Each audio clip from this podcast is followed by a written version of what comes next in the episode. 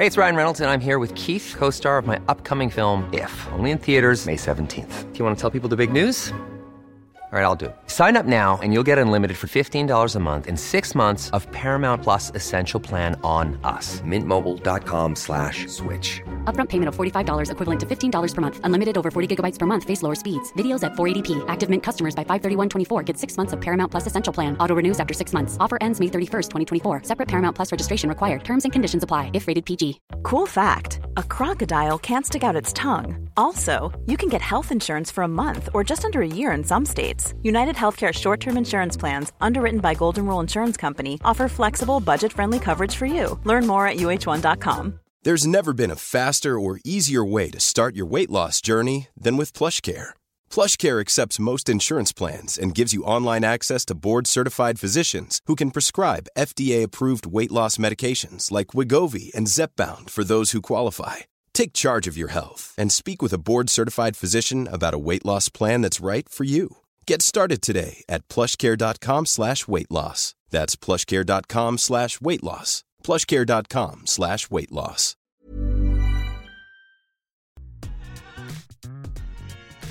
Välkommen till Top of Mind Podcast med mig Ofelia Wistedt. Samtal om marknadsföring, sociala medier och hur du lyckas på TikTok som företag och kreatör. Idag är jag med mig Lisa Truedsson, egenföretagaren som är bosatt i Paris. Lisa delar med sig av sin resa från att plugga på universitetet till att arbeta på stort bolag i Paris till att sen starta eget företag. Vi pratar om hur hennes bolag ser ut idag, hur de marknadsför sig för att attrahera kunder och drömmarna för framtiden som egenföretagare. Lisa Truedsson, välkommen till Top of Mind Podcast. Tack så mycket. Hur är läget? Det är bra. Det är kul att vara i Stockholm. Jag kom ju jag kom igår. Ja, raka vägen på Paris. ja. Det är det det kommer handla lite om. Dig och din egenföretagarresa och också just Paris. Ja, precis. Men vi kom igår klockan fem så jag kom hit med min pojkvän. Och eh, ja, vi har bara hunnit landa lite här i Stockholm nu. Så härligt. Och om man inte känner till dig sedan innan, vem är du? Vem är Lisa? Ja, man känner kanske inte till mig som innan om man inte har kanske sett Youtube. För jag har en Youtube-kanal. Men annars så ja, heter Lisa. Jag är från Malmö. Jag eh, har bott i Paris i två år och drivit eget företag i Paris i ett år snart. Och berätta lite om din egenföretagarresa. Du driver ju likt mig eget företag och vi har haft en liten serie här nu i podden just med egenföretagare och just inom marknadsföring. Vill du berätta lite mer om ditt egenföretagande och vad gör du när du driver eget? Ja, så om man börjar lite med min typ resa. Så jag, hade, jag pluggade i Lund på universitetet och hade faktiskt eget företag i Lund också. Och då var det mer ett fotografföretag. Så jag eh, fotograferade i studentlivet och typ så. Och det gjorde typ att jag började få lite betalda gig. Liksom så för fotogig, fotoevent och sånt. Och då bestämde jag mig för att jag ska starta upp en enskild firma. Så då gjorde jag det när jag pluggade. Och sen, eh, så det var typ det första jag gjorde med eget företag. Och sen så nu i Paris så började jag vara anställd. Jobbade på Vestia Collective i Paris. Det var superkul men det var ett internship. Och sen så blev det efter det att jag bara kände att jag hade en känsla inom mig att jag ville prova själv och köra Ja. själv. Och då startade jag upp i Paris. Hur länge har du kört som egen nu? Nu har jag kört sedan januari ungefär. Ja, men då har du ändå haft lite, för jag, jag brukar säga det för det känns som att just egenföretagandet är väldigt populärt just nu om man kollar på sociala medier. Det är många unga tjejer som vill starta upp och jag Verkligen. tycker det är jättekult att det är många som vill starta upp och testa på att vara egen. Men jag känner mig också lite rädd för att det är så viktigt att man också har den här erfarenheten sen innan. Att det inte bara att starta upp, liksom, det kanske Nej. går jättebra för många men jag tror att det finns ganska mycket värde i som du säger här nu. Ja, men jag gjorde lite gig innan i Sverige, jag åkte till Paris, jag jobbade. För jag Verkligen. själv tycker i alla fall att det som har varit så himla värdefullt i min egenföretagarresa är ju att haft inblick som anställd i olika bolag. Mm. Jag tror Hur arbetar man på olika sätt? Skulle du säga att det kändes viktigt för dig att du ändå hade den erfarenheten i ryggen innan Ehm. du startade eget? Ja, verkligen. Jag tror faktiskt inte att jag vet vad jag skulle börjat annars. Alltså för att ehm, att vara anställd, då får du verkligen inblick. För det var också det jag kände när jag var anställd på ett ganska stort företag. Alltså det är många anställda på Vestia och det är ett globalt företag också. Att det är så himla många som är med i samma projekt så man gör en så liten del. Men det var väldigt bra för att se vad alla gör. Men det som jag har gillat sen med att vara egen är, för att jag har alltid velat ha mer typ holistiskt perspektiv. Alltså att jag tycker det är kul att vara med och komma på konceptet och sen vara med och fota och sen vara med och redigera och sen se hur det blir. Att det har varit det som jag har tyckt varit det roligaste med att eget men att hade man inte sett vad alla olika personer Ja. gör så hade man inte kunnat börja tror jag. Ja, och jag tror att det är en jättestor styrka, jag tänker för mig i alla fall. För att jag jobbade ju i fem och ett halvt år innan jag Mm. sen började som egen. Och att man fick sitta på ganska många olika stolar och se ganska många olika roller på ett Just det. företag. Det. gjorde ju för mig i alla fall nu när företag hör av sig Mm. och vill ha hjälp att man känner så här okej men jag vet ish hur det här funkar, jag kan Mm. fråga den personen. Jag tror att den kunskapen är väldigt värdefull när man ger sig ut liksom och väl ska börja jobba som egen. Om du skulle berätta vad du gör då när du startade Mm. eget i januari och kör som egen. Vad, gjorde, vad gör du i bolaget idag? Yes, så när jag började så hade jag en mer typ contentbaserad verksamhet men inte som influencer utan som typ fotograf och videokreatör. Alltså att göra content för olika företag. Och det fick jag faktiskt ganska, det var, alltså jag har tänkt på att jag har velat göra det men det var ganska random på ett sätt att jag började för att jag tänkte så här, jag ska starta eget företag och jag hade precis pluggat en kurs i art direction och jag hade liksom den här tanken och så tänkte jag jag vill jobba halvtid i en vintagebutik under tiden och ehm, liksom tjäna lite pengar. Och då blev det att jag träffade någon i en vintagebutik som var typ så, jag lämnade mitt CV och då var det liksom mer så marketing och allting på mitt CV. Men då var hon så, jag behöver faktiskt hjälp istället för att jobba i butiken så behöver jag hjälp med um, jag content, sociala medier. Ah, gud vad bra. Ja, så det var, det var så jag började. Och då blev det liksom några dagar i veckan med henne. Och då blev det liksom som att det blev mitt halvtidsjobb istället för Mm. att ta det här typ kaféjobbet eller eh, butiksjobbet som jag hade funderat på att jag skulle göra för att kunna starta eget. Ja, gud vad coolt. Och när du var väl på Vestiaire, var det innan det här då? Eller Ja, var det, det var- samtidigt du jobbade på Ja, Vestiaire? så jag åkte liksom till Paris från början på grund av utbyte. Ja. Och så pluggade jag färdigt min utbildning i Paris och sen så sökte jag internship i Paris. Så det var liksom tidsbestämt redan från början. Mm, fattar. Och vad gjorde du på Vestiaire? Det är ju ett jättekult företag. Jag tror, men många sådana sidor kom ju upp men alltså Vestiaire känns ju lite mer high-end. Så det Ja. kul att få lite inblick i ett sånt stort företag som är mer high-end. Verkligen. Nej, men det var jättekul också att det är ett eh, Paris-startat företag men att det är så globalt nu så att det var superkul. Och det var ju alltså det var verkligen the dream på något sätt för att det är väldigt fint kontor alltså i Paris verkligen Mm. så att det var skitkul. Men där var jag Global Social Media Assistant eller intern. Ja, men gud vad kul. Så ja, Verkligen inblick då i deras strategi kan jag tänka mig. Och det tror jag också är Verkligen. jätteviktigt inför att man själv kanske ska börja jobba strategiskt och hjälpa företag som konsult. Att man Verkligen. bara får se liksom hur olika bolag jobbar med strategi. För det tycker jag har varit 100%. crucial för mig själv. När jag sätter upp strategi till företag att alla frågar mig hur har du lärt det här? Och jag bara, ja men det handlar ju om att jag har sett, alltså jag har ju sett Ja. alltså, över hundra företagsstrategier typ. Säkert för att man intresserar sig och de ställena man har jobbat på. Att man verkligen ser, ah du gjorde sådär, du gjorde sådär, Gud, du gjorde ja. sådär. Och Alltså- så har jag ju tagit in det till mitt eget och jag min har också kunskap. tagit massa inspiration och också att det var ett så stort företag så där, nu kanske jag inte egentligen rekommenderar det men i mindre företag men där, alltså vi planerade ju content en månad innan och Ja. de postade varje dag. Ja. Så att alltså det var ju verkligen en strategi bakom vad som ska postas. Men det jag kände när jag jobbade där var, för jag har alltid varit med på kreatörssidan i min passion, vad jag har velat göra. Och där hamnade jag i ett helt strategiskt sammanhang, vilket jag tycker är jättespännande också. Men att jag kände lite den här längtan inom mig. Alltså för vi hade ett creative team på Vestiaire och Ja. ett strategic team för social media. Och att jag kände lite så att jag spanade bort Ja, vad de de. gjorde. Att jag gärna ville, jag fick följa med någon gång på shoot och vara ute och att jag kände direkt en annan, en annan dragning till det. Mm. Och att det var nog därför jag till en början när jag startade eget företag att jag nästan trillade över lite för långt till att okej jag vill bara göra content, jag ska bara vara art director, jag ska vara kreativ. Mm. Medan längs vägen, för att fånga upp lite frågan du frågade Ja. vad jag gör idag, så längs vägen så har jag ändå kommit på att jag mer vill jobba. Jag vet inte exakt vad du gör för dina kunder men jag tror ganska likt. Ja men ganska hybrid liksom. Ja, att man både strategi. hjälper till med content och strategi Ja. för att content blir också bättre med strategi bakom. Alltså Mm. att det finns en anledning till varför man gör som man gör och det finns ett brand att följa när man skapar content. Att Ja. jag idag jobbar som kreativ konsult inom Ja. både strategi och content. Ja, jag har nog lagt ut en TikTok-video, jag spelade in det här om dagen. den kommer nog vara utlagd när det här avsnittet kommer ut. Men då förklarade jag lite mer vad jag gör och då sa Mm. Ja. jag verkligen det att så här, hur bra strategi du än har, om du inte kan genomföra den på ett bra sätt, då är det meningslöst. Mm. Ja, och jag samma på det andra hållet. viktigt. Ja. Du har skitbra content men du har inga strategier bakom Ja. det så det kanske inte når rätt personer, det kommer inte ut. Nej, då går det inte heller. Och det, jag tror så här, det som du säger att man hittar sig själv lite där är också, Mm. du har gjort mycket, du, alltså content-delen och så får du komma in med en strategisk setting att man kanske känner då så här, men gud, jag kanske inte vill välja, jag kanske jag vill både och. Jag tror att det är också jättevärdefullt när man väl jobbar faktiskt ute på olika företag och känner, men gud, det här gillade jag verkligen, det här gillade jag mindre. Eh, och att det är väldigt värdefullt just så att man testar på att arbeta innan man bara kastar sig ut Ja, alltså jag eget. tror verkligen det. För att jag trillade nog över lite åt båda hållen innan jag hittade min väg. Ja. Och jag vill veta det. mer här nu. Du sa Ja. då att du, din första kund i Paris var då för att du sökte jobb och sen så var det någon som sa men gud jag vill inte ha någon i butiken. Jag skulle vilja ha din hjälp för marknadsföring. Hur var din resa för att hitta kunder då i Paris? Hur gick det till för att då Ja. kunna ja, men hitta de du arbetar med idag?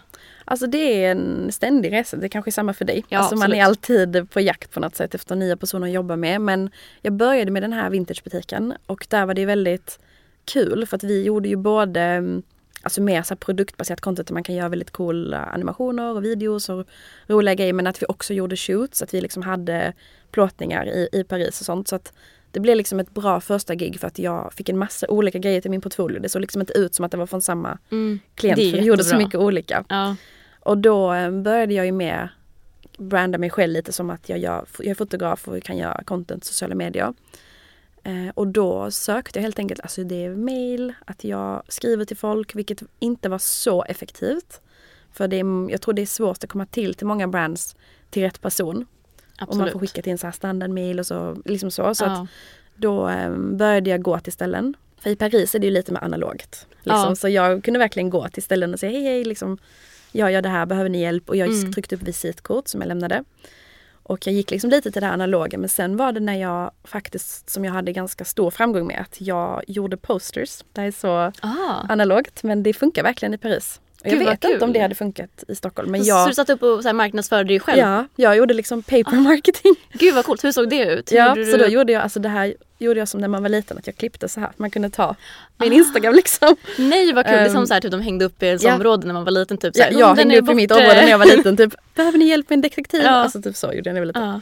Men, eh, nej, men så jag gjorde så här, liksom skrev på franska en poster, behöver ni hjälp med och då brandade jag mig ändå fotografi. Mm. Alltså att, behöver ni hjälp att fota?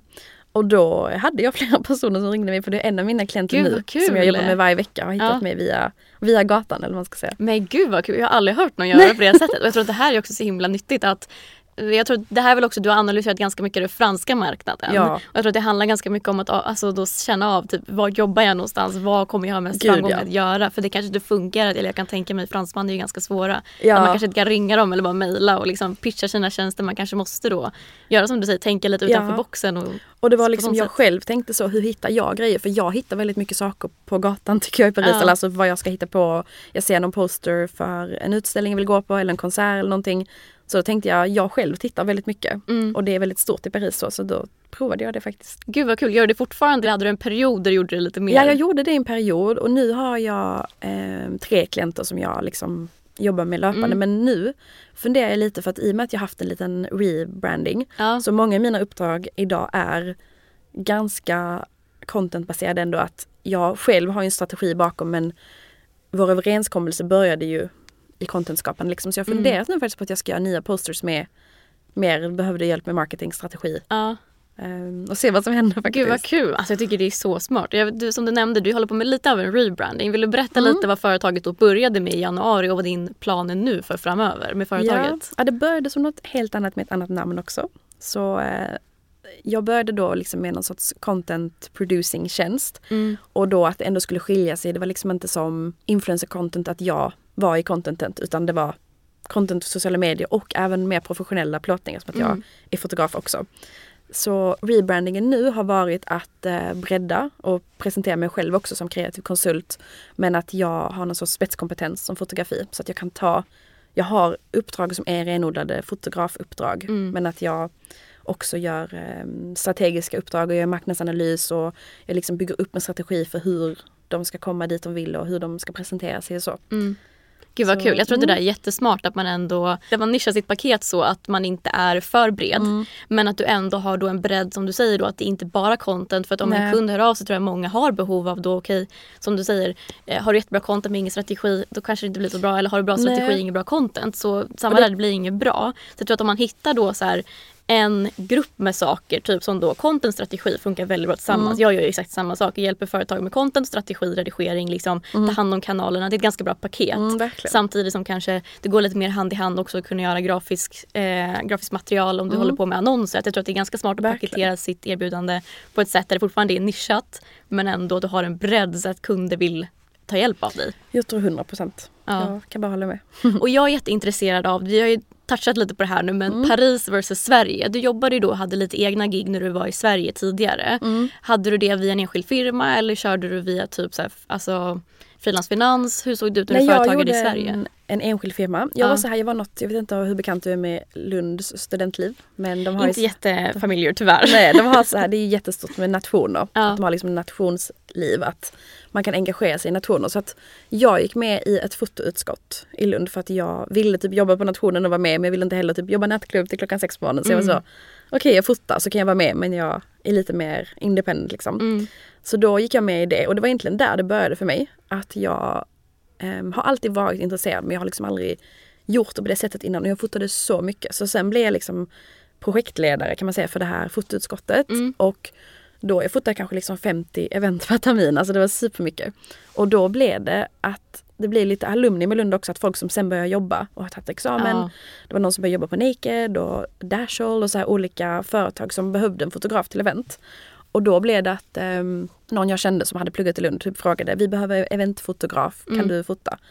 Och då ehm, så gjorde jag det. Och då var jag så, kan du skicka faktura? Typ, då var jag så, hmm, nej jag kan Men inte. Min- det? Min mamma är egenföretagare så då fick jag första Ja, via bra. mamma. Ja. Och sen så var jag typ så, men eh, hur krångligt är det egentligen? Mm. att starta en enskild firma. Så jag började med det. Ja.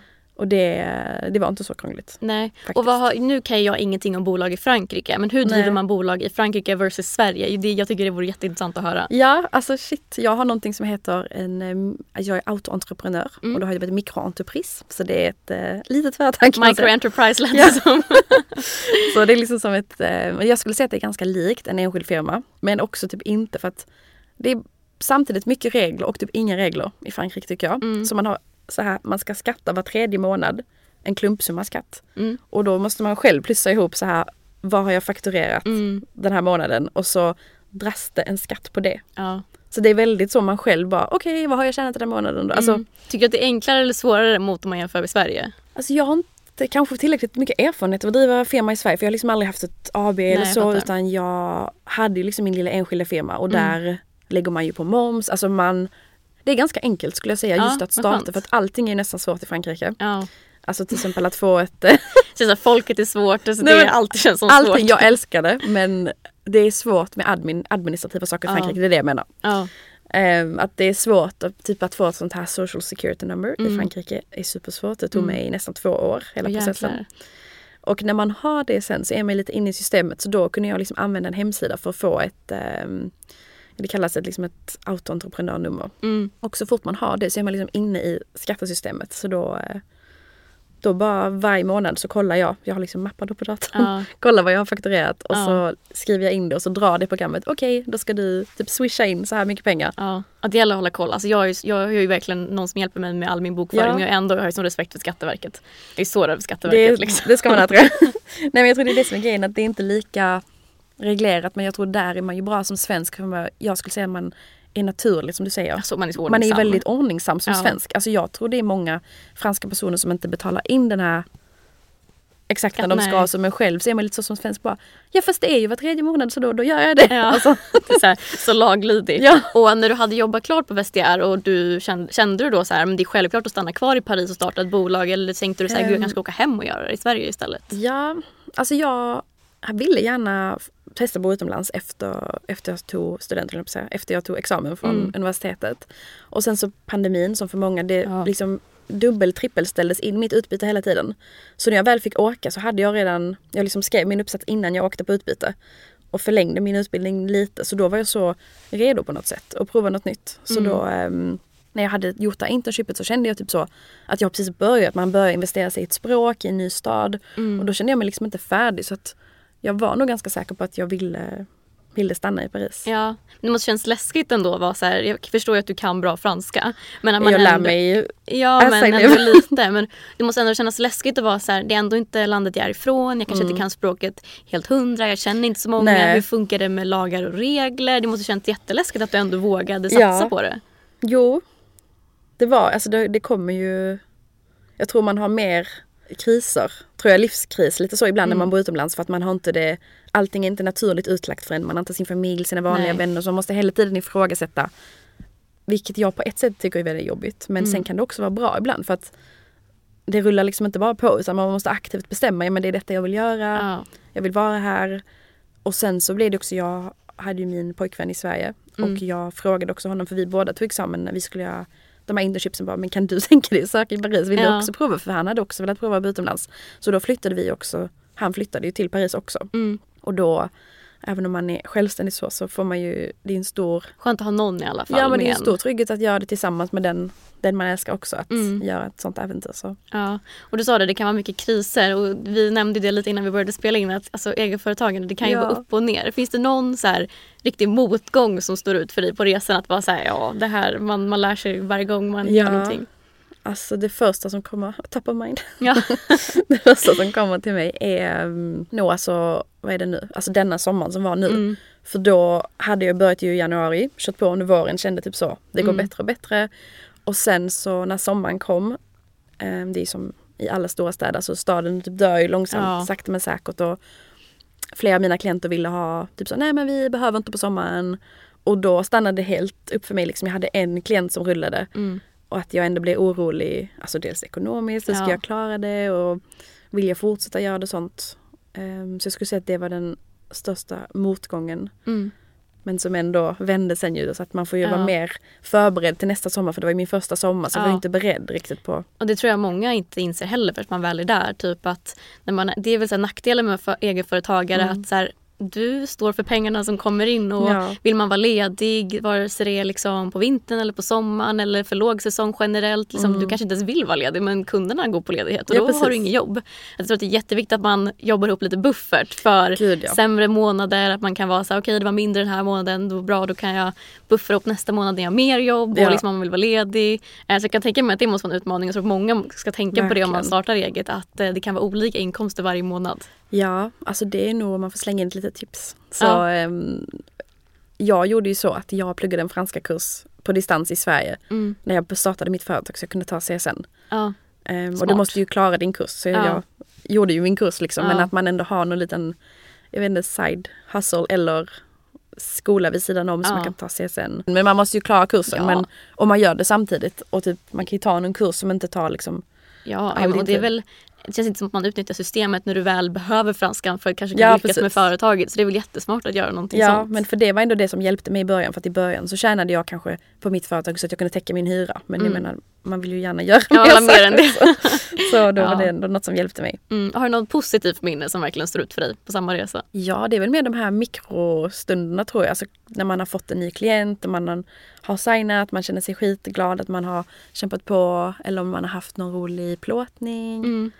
Det varit kul i Paris alltså, att kunna göra plåtningar i Paris. Alltså på Paris gator. Vi har Mm. gjort plåtningar nere i metron och kunna vara, jag vet inte, kreativ på ett annat sätt. Och hela miljön i Paris är väldigt kreativ. Att Ja, du ser folk som typ, ja, att du ser folk som gör plåtningar på gatan. Mm. Det är liksom inte så det är inte så konstigt att dra upp en plåtning mitt på gatan utan det är en inspirerande miljö tycker jag. Mm. Och det har varit liksom ett, ett kul moment.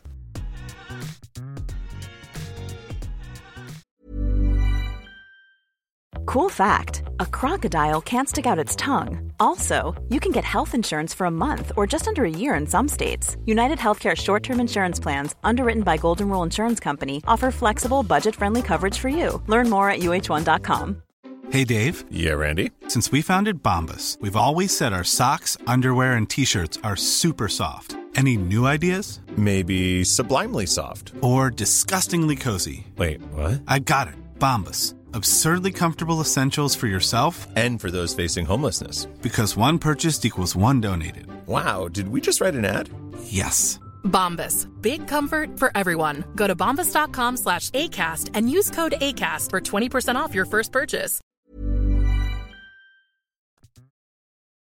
Det måste vara jätteinspirerande, speciellt om man jobbar med contentstrategi, att verkligen Ja. vara i en sån miljö där det bara är så här så mycket inspiration. Det är ju liksom inte jätteinspirerande här i Sverige nu i november när det regnar och man bara ja, ska ta Men- contentstrategi. Liksom, det är inte jätteinspirerande. så det hur, måste vara hur gör jättehärligt. du med det liksom för att hitta Alltså så här, det, det här brukar jag säga till de flesta men det tror jag är min största styrka som Mm. egenföretagare. Att så här, idéerna tar aldrig slut.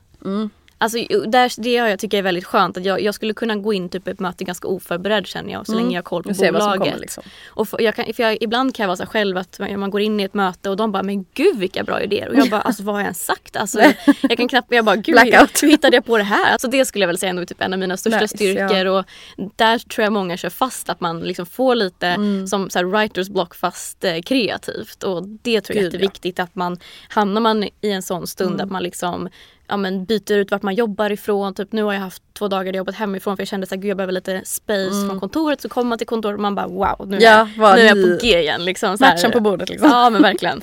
Eh, så det tror jag är jätteviktigt att man ja, men så här switch up liksom, för att Mm. få inspiration. Och som du säger, om man jobbar då med content, det är jätteviktigt att kunna liksom, se runt, typ, alltså spotta upp ställen och hitta Mm. liksom, vinklar och bara göra research liksom, på TikTok och Instagram. Hur hittar man någonting man kan inspireras av? Jag tror att det är en jättestor del Mm, av det hela. Pinterest använder jag mycket. Att man, Ja.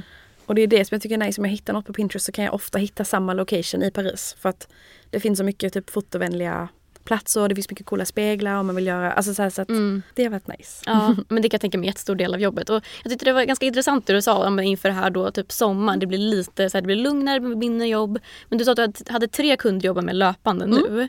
Hur ser månaderna ut för dig? Kan du ha ganska mycket olika jobb beroende på månad till månad? Eller är det ganska Ehm, jämnt flöde? Hur ja. arbetar du med det? Jag har med två av mina klienter så har jag liksom en en vars en, det är inte en hel dag, men alltså vars en dag Mm. när jag gör content hos dem. Och sen så jobbar jag också på ett kontor. Så jag har, jag vet inte hur det funkar om det är typ ett coworking. Mm. Precis, jag jag, sitter liksom- på coworking så jag har ett eget liksom, skrivbord. Ja, jag har nog ganska likt som det då fast Ja. jag har egentligen inte ett eget skrivbord men jag sitter alltid på samma så det är, Mm. det är mitt. Det gjorde jag på mitt andra coworking-ställe också. Jag satt på samma plats Ja. varje dag. Ehm, så då liksom, nu sa du hur en månad ser ut för mig. Ja. Mm. Så då ehm, har jag de här klienterna och två stycken har jag två dagar i veckan och sen så har jag en som är mer vid behov. Att de frågar mig så här, till Mm. exempel på tisdag så ska jag vara med och fota på en grej. Då får jag veta det kanske en vecka innan så att Mm. det är så jag bygger upp det och däremellan så sitter jag och redigerar, jag planerar grejer och sen har jag även lite ehm, jag har inget annat ord på svenska men passion projects. Mm. Att jag har en kompis som har startat ett märke i Paris Kul. som hon har också haft en egen agency i Köpenhamn.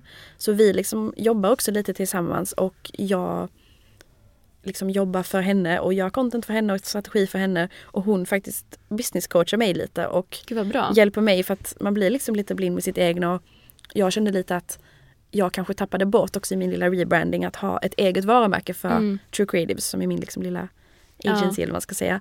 Att hon också hjälper mig lite att hitta vad, vad vill jag typ mitt brand ska vara. Eftersom att jag frilansar inte liksom som Lisa Trudsson utan jag har en Nej. liten, varumärke, liten liksom. hub typ eller ett, det kan också ha ett brand. Ja. Liksom. Och det där tror jag är så himla smart att man omger sig och kanske tar kontakt med människor som man känner så här, vi kan ha ganska bra utbyte om man inte då som du säger, det kan vara lite mer passion project. Så att jag har en jättenära vän som jag hjälper ganska mycket med typ idéer till hennes varumärke eller liksom, hon håller på att starta ett varumärke med idéer eller bara så här, vi bollar hur man skulle kunna göra content och hon är skitduktig på e-com så hon hjälper mig med lite så här, vi kan bolla saker. Att det där är ju så jäkla viktigt att all, man behöver inte alltid bara Verkligen. betala för man kan hjälpas åt lite också Nej, och man har vänner. det, det leder ju också till framtida jobb att man inte ska vara för Samtidigt som man, det är viktigt att ta, ta betalt för sina tjänster så är det också viktigt ibland att våga leverera det lilla extra. Att typ Verkligen. inte så, ja jag var en timme längre nu. Utan typ så, det kanske blir mycket Verkligen. bättre och då blir man också rekommenderad till någon annan att man, att man vågar satsa och investera. Och det vet jag min mamma har alltid varit egen också att, att även om min mamma liksom alltid säger också att man ska ta betalt för sina tjänster att ibland ta det där gratis eh, telefonsamtalet eller gratis Ja. mötet. Alltså bara för att det bygger också någonting. 100 procent. Och det här pratade jag både med Emma Alker och sen med Jenny Loy som var med. Mm. Att det är också så jäkla viktigt att vare sig du är typ i UGC-kreatör eller du arbetar som klippare eller som du och jag jobbar så Mm. ganska likt. Att man alltid kanske överlevererar lite i början. Mm. Speciellt om man är ny. Så att du verkligen får det här ryktet. För att jag vet att många av, typ en av mina första kunder har rekommenderat mig alltså till så jäkla många andra kunder. Ja. Eh, och det har ju bara varit för att jag verkligen så här, alltså jag la i sån jäkla växel i början när jag Mm. jobbade med dem och därför rekommenderar de ju mig vidare. Eh, så jag tror att det är sjukt viktigt som du säger att så här, i början om man vill hitta kunder och sprida sitt brand att så här, vara lite bjussig. Mm. Såklart min kille han är också stenhård med det här. Han bara, ta betalt för din tid men Ja. också liksom vara lite bjussig det är ju i att man också. levererar. Verkligen. Eh, för då kan man vara lite mer, jag kan ju vara lite mer svår nu liksom i att säga jag tar verkligen betalt för min tid. Ja. Men i början när man inte stod med så många många kunder då är det verkligen så här Nej. bjurra lite. Jag tror det är jätteviktigt. Men om jag får fråga dig då, vänder på Ja. podcasten. Har du, för du har ju pratat om att du blir kontaktad av många klienter. För det skulle jag nog säga den största skillnaden. Alltså det, är så, det finns så mycket möjligheter men det är också så mycket så överexponerat. Alltså det finns hur mycket kreatörer och byråer som helst i Paris. Att Mm. du verkar ändå ha blivit kontaktad av dina klienter. Alltså Ja. hur, hur har du fått till det? Alltså det här är ju verkligen det jag är så bortskämd med får jag ju ändå säga. Men att, och jag tror att det handlar om att man är lite först på bollen med någonting. Nu finns det ju så sjukt mycket folk som marknadsför att de driver eget. Och jag tror att jag verkligen började marknadsföra mig själv som egenföretagare verkligen i början av det här. Eh, så jag tror att man kanske ett har tagit kanske en position på marknaden. Att man var en av de första som har hörts mest. Eh, nu när det kommer väldigt många nya. Eh, men sen tror jag att det är jättemycket word of mouth också. Att de flesta, alltså 50, jag, jag har ju aldrig kontaktat en kund. Men så liksom när Vilket du jobbat med sjukt. Netflix och Kaja då, de liksom reachat out till dig. Det är Ja. ju supercoolt. Ja, eh, och typ det är ganska bra exempel typ med Kaja då. Det, den historien brukar jag dra när jag eh, föreläser. Att jag jobbade då på Alvar Gallery där jag var anställd innan jag startade, startade eget. Och jag bjöd då in en kreatör på en fika för att jag ville presentera varumärket för henne. Vi snackade och sen liksom, det var kanske ett år innan jag sa upp mig. Eh, och eh, jag ja, men så här, pratade med henne, höll kontakt med henne på sociala medier. Jag gav henne en blus då och då för att hon är jätteduktig kreatör och jag ville att varumärket skulle synas hos henne. Eh, sen när jag väl sa upp mig så var jag väldigt högljudd med att jag jobbar med content, strategi, jag jobbar som egenföretagare, lalala. Sen satt den här kreatören på en lunch då med en person på Kaja och som sa så här, vi behöver hjälp med det här, vet du någon som kan komma in som Just konsult? Och hon rekommenderade mig. Alltså det är ju så det fungerar. Så där kan ju vara ett sätt samtidigt som att Netflix de var på jakt efter någon som de behövde hjälp med en viss grej. Och sen var det en intern då, ett internt uppdrag som de inte annonserade. Och då satt Just de själva det. och tänkte så här, hmm, finns det någon vi vet på LinkedIn eller liksom, kan vi hitta Mm. någon? Eh, och då såg de mig. De tänkte så här, men just det den här tjejen hon snackar Ja, så alltså, mycket om. Och sen kontaktade de mig på den vägen. Ja. Så att jag tror att det är både 50-50 att man är duktig, alltså så här, jag tror nummer ett, alltså Ja. prata om vad du gör. Alltså Verkligen. sprid, berätta, prata om vad du gör. För att om någon väl kommer behöva hjälp sen då kommer de tänka på dig. Alltså Mm. jag tror att det är det absolut viktigaste att man bara berättar vad man gör. För att Verkligen. annars kommer ingen veta det. Och många av jobben kommer på den vägen, att folk är lata. Ja men och verkligen och jag också, för som jag har förstått det så, eller jag har blivit inspirerad av det, att du gör väl ditt Netflix-uppdrag också via en byrå. Ja. Att för det har jag verkligen funderat på i Paris nu också för att, att det verkligen kan vara en väg att komma till. För att många, Absolut. när man är ensam, att många brands som kanske jag vill jobba med i Paris, de kanske Typ så, nej men vi jobbar med en byrå men om man kommer på, i en god relation med en byrå, det är ju så byråer arbetar, att de använder kreatörer och att det verkligen inspirerat mig. Någonting som jag tänkte jag ska Ja. Kika Nej, på i Paris. Och det tror jag är jättesmart också, att man kan ansluta sig till större nätverk för att liksom bredda sin kunskapsbank och att bara få mer kontakter. Alltså Ja, jag är ju så tacksam, för nu jobbar jag då med Forsman Bodenfors liksom genom dem till Netflix och det har ju varit också otroligt för mig att få träffa många andra branschkollegor inom Mm. Precis. den kreativa branschen. Som för jag som egenföretagare eh, och alla andra som är egenföretagare på byråer eller bara är anställda. Jag tror Mm. att det är jätteviktigt att bara så här vill du jobba som egen, alltså bredda ditt nätverk så mycket du kan. Tala högt om vem du är, vad Mm. du gör. Försök mingla, träffa folk. För att de flesta tjänsterna kommer genom att någon pratar med någon eller någon kommer ihåg dig och tipsar om dig. Mm. Så Eh, så det, liksom, det, brukar jag verkligen säga till alla. Var snäll och trevlig mot alla. Liksom, Gud, var, liksom, leverera det här lilla extra, var glad och trevlig. Hjälp folk om du kan. Ja. Eh, och sen liksom prata högt om vad du kan och vad du är duktig på. Alltså våga liksom berätta, det här är jag bra på. Det här Det är resultat jag har presterat. Framgångsreceptet. Ja, nej, men det brukar jag alltid rekommendera. För att så här, Mm. det, det har, jag har verkligen inte gjort någonting mer än det. Utan kanske under lång tid. Nu snackar vi inte om att så här, jag startade eget så fick jag alla kunder på en Nej, gång. alltså, Utan du har ju byggt upp någonting. det här har jag jobbat med länge. Alltså, jag jobbade ju, när jag var anställd så la jag ut ganska mycket om vad jag jobbade med och Mm. content jag skapade och på alla de företagen jag var på innan. Mm. Eh, Så det tror jag är jätteviktigt att man pratar högt och eh, är loud med det, man, Mm. med det man jobbar med och vad man kan. Eh, Men hur tror du att du hade gjort om du hade haft din verksamhet i Sverige? Hur tror du det hade sett ut om du jämför med Paris mot hur det ser ut nu? Vad tror du det hade sett ut om du hade varit i Sverige? Alltså jag tror, det är ju lätt att säga då när jag inte bor i Sverige, men jag tror att det hade varit lite lättare. Lite lättare att få ehm, klienter i Sverige än vad det är i Paris. För att ehm, det är ju lite språkbarriär också. Alltså jag är näst, eller jag är inte flytande i franska men jag pratar mycket franska. Men Mm. det är klart det är en språkbarriär än- ändå.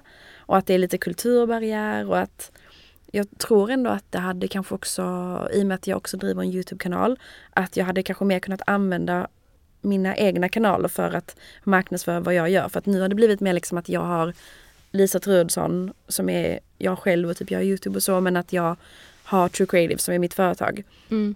Så jag tror kanske då att, för jag vloggar ju och gör lite så om att ha eget företag, att det hade också genererat mer kunder men nu blir det på svenska. Mm. Så då blir ju inte det att Fattar. jag att det genererar nya kunder. Att det Mm. kanske hade varit en, en koppling om jag hade bott i Sverige. Ja, faktiskt. kanske ska göra på engelska eller testa på franska. Ja, alltså jag har tänkt på ett sätt att jag ska göra på engelska men sen så, så vet jag inte. Så det är ganska svårt för att det är klart det finns fler folk som kan lyssna på engelska men Mm. Det är också en nisch i sig att prata svenska för att Verkligen. svenska personer tycker det är kanske genuint och kul att höra någon som är svensk som bor utomlands och gör någonting. Så att, Mm.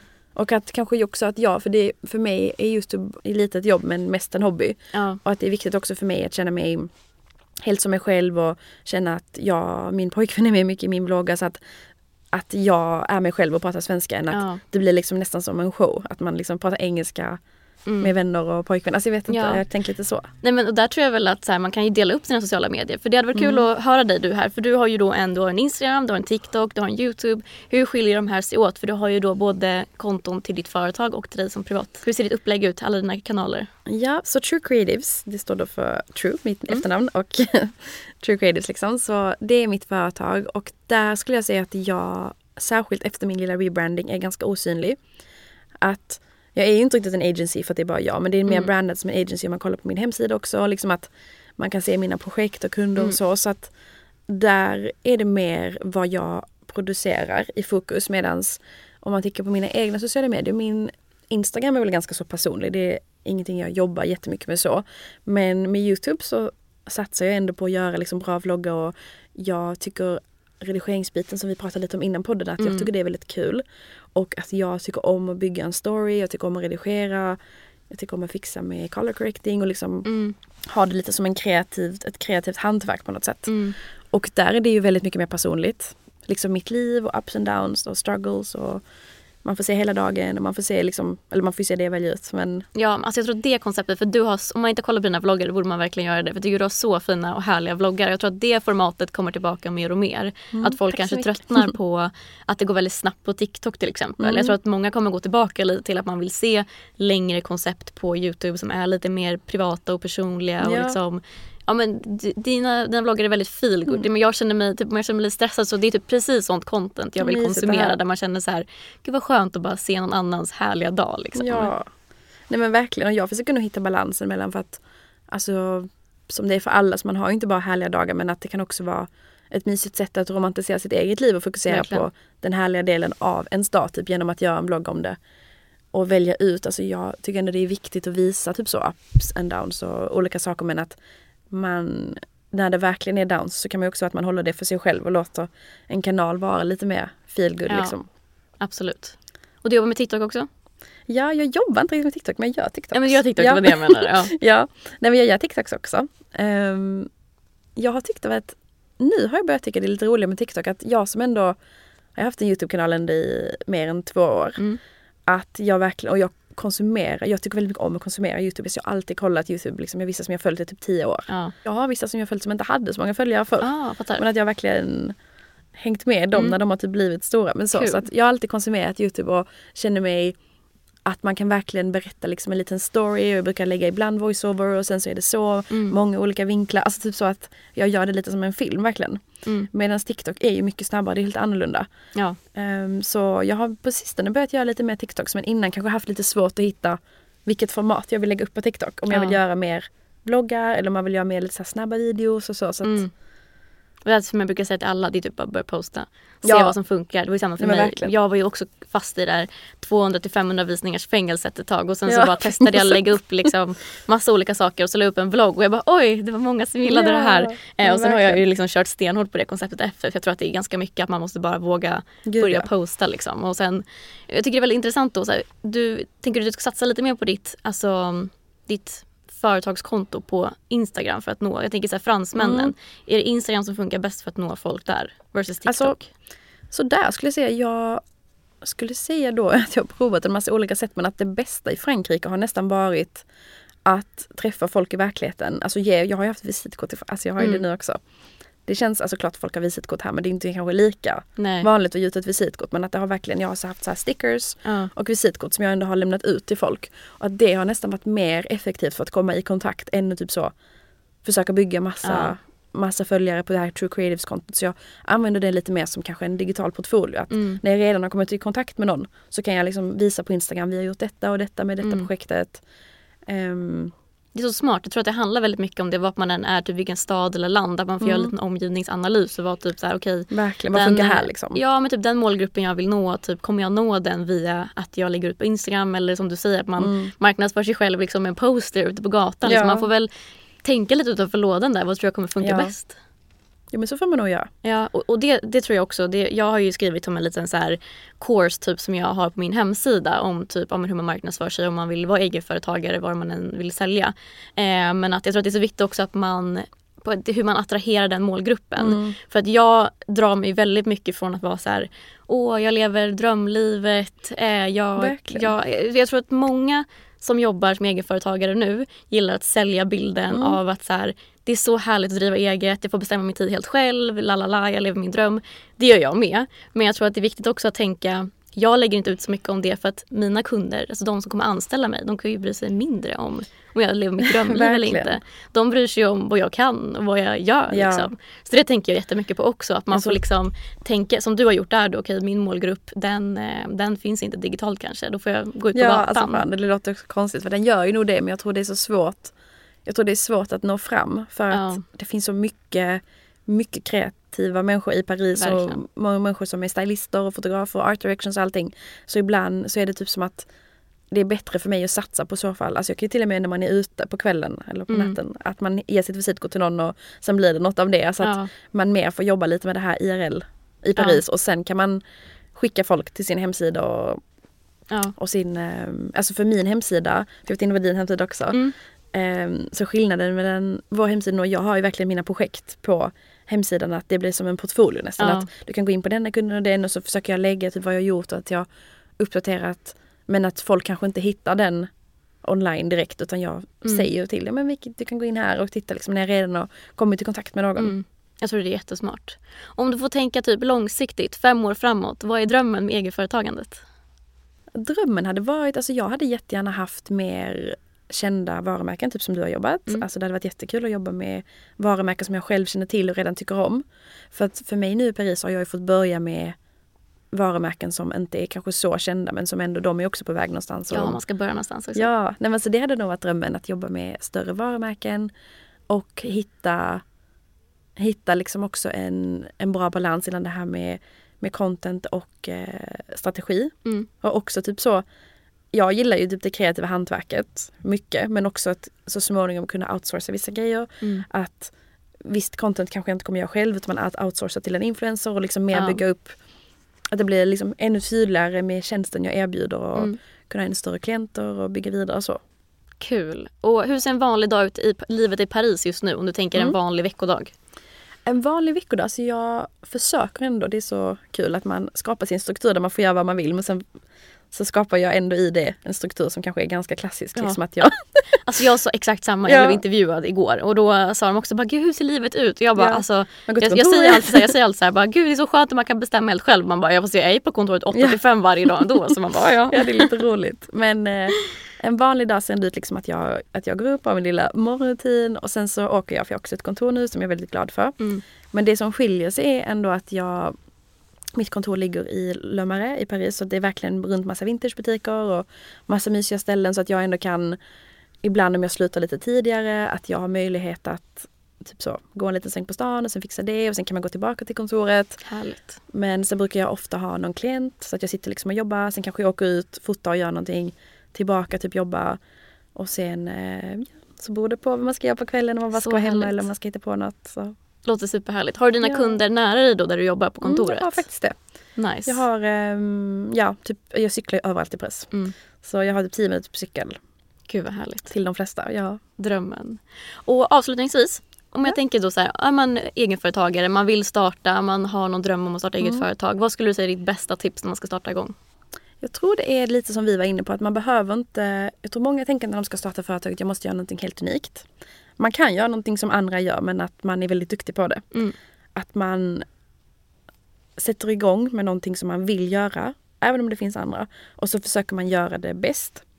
Och att man också bygger en struktur som jag gjorde att det gör ingenting om du inte tjänar de mesta pengarna i början för att Nej, du kanske har byggt en struktur. Ja men det gör ju det om Ja. man inte har byggt en struktur Ja. där det fungerar men att man måste ju skapa någonting som gör att du måste inte tjäna pengar i början.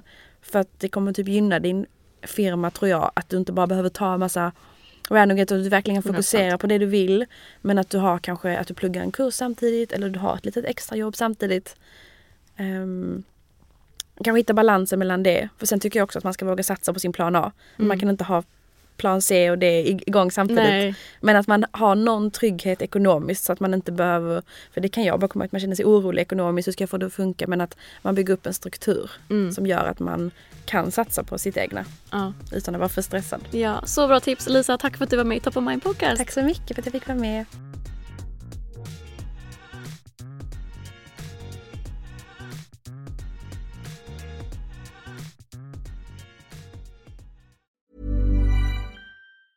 Even when we're on a budget, we still deserve nice things.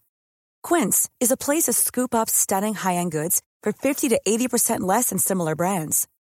They have buttery soft cashmere sweaters starting at $50, luxurious Italian leather bags, and so much more.